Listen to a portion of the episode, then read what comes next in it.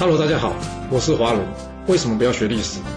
因为学历史会让你了解到顶层阶级的思考方式，成为他们的竞争者，所以他不希望你去学。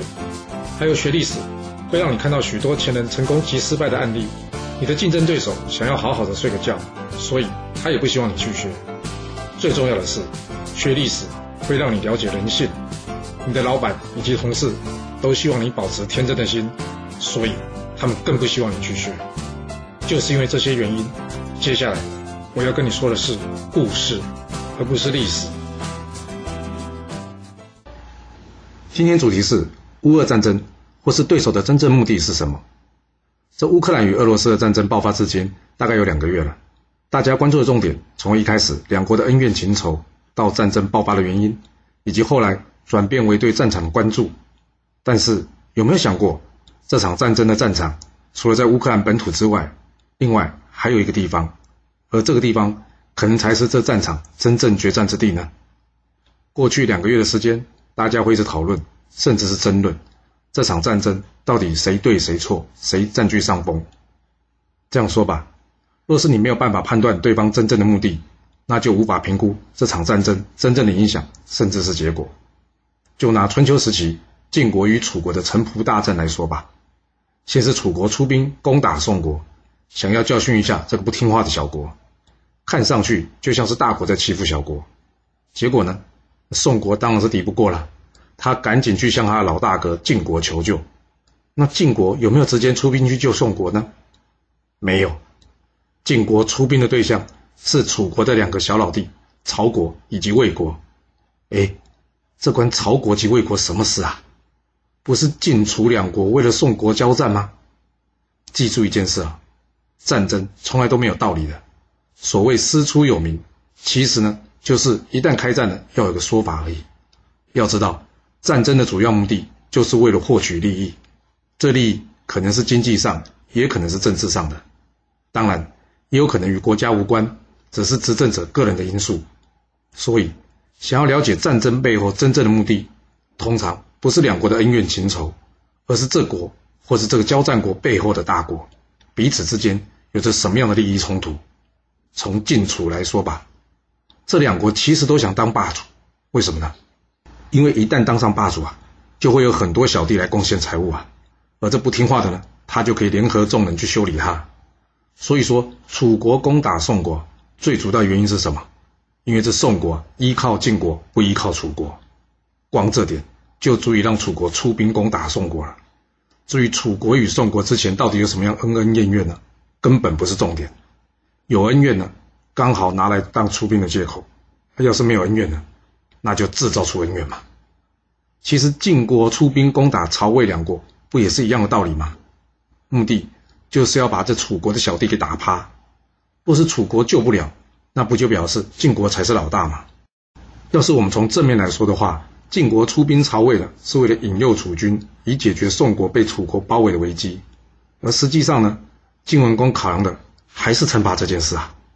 若晋国直接出兵去宋国与楚国一战，就算战胜了，这结果最多也只能证明他有能力保护自己的小弟。但是换过来，晋国不出兵去救宋国，而是出兵曹魏两国呢，不但能让楚国处在要证明自己有能力保护自己小弟的困扰之上，同时也能缓解宋国被楚国包围的危机，等于间接证明晋国有能力保护自己的小弟。那你说，晋文公这样的决定，对于他霸权的争夺，是不是才是上策呢？那楚国要如何面对晋文公的攻势呢？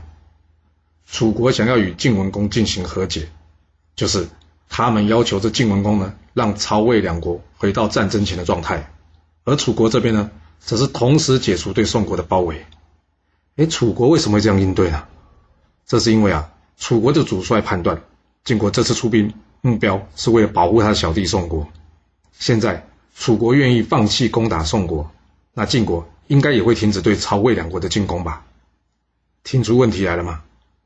这问题的关键是什么？楚国主帅错估了晋国参战的目的啊！晋国之所以要参战，救宋国只是表面上的理由，他真正的目的是怎么样？要与你楚国决战啊！不跟你决战，怎么称霸呢？所以。晋国怎么可能会答应呢？但不答应这和解，那不是表面上就与邻为祸了吗？这一下可是会伤了曹、魏、宋三个小国的心呢。就像前面说的嘛，想要开战，若是没有理由怎么办？那就制造出一个理由来呀。所以晋国给楚国下了个套，让楚国怎么样？一气之下决定出兵与晋国一战。最后这个战争的结果，当然是晋国大胜楚军呐。而这晋文公呢，也在城濮一战之后，名列春秋五霸的行列，完成他称霸的梦想。听完这故事，你觉得？俄罗斯这次出兵，真的是因为乌克兰或是北约过去的恩怨情仇吗？还是占领乌克兰对俄罗斯来说有什么好处呢？而这好处能大到要俄罗斯不顾一切去面对西方国家的制裁，又或是他还有什么其他的目的我们没有看到呢？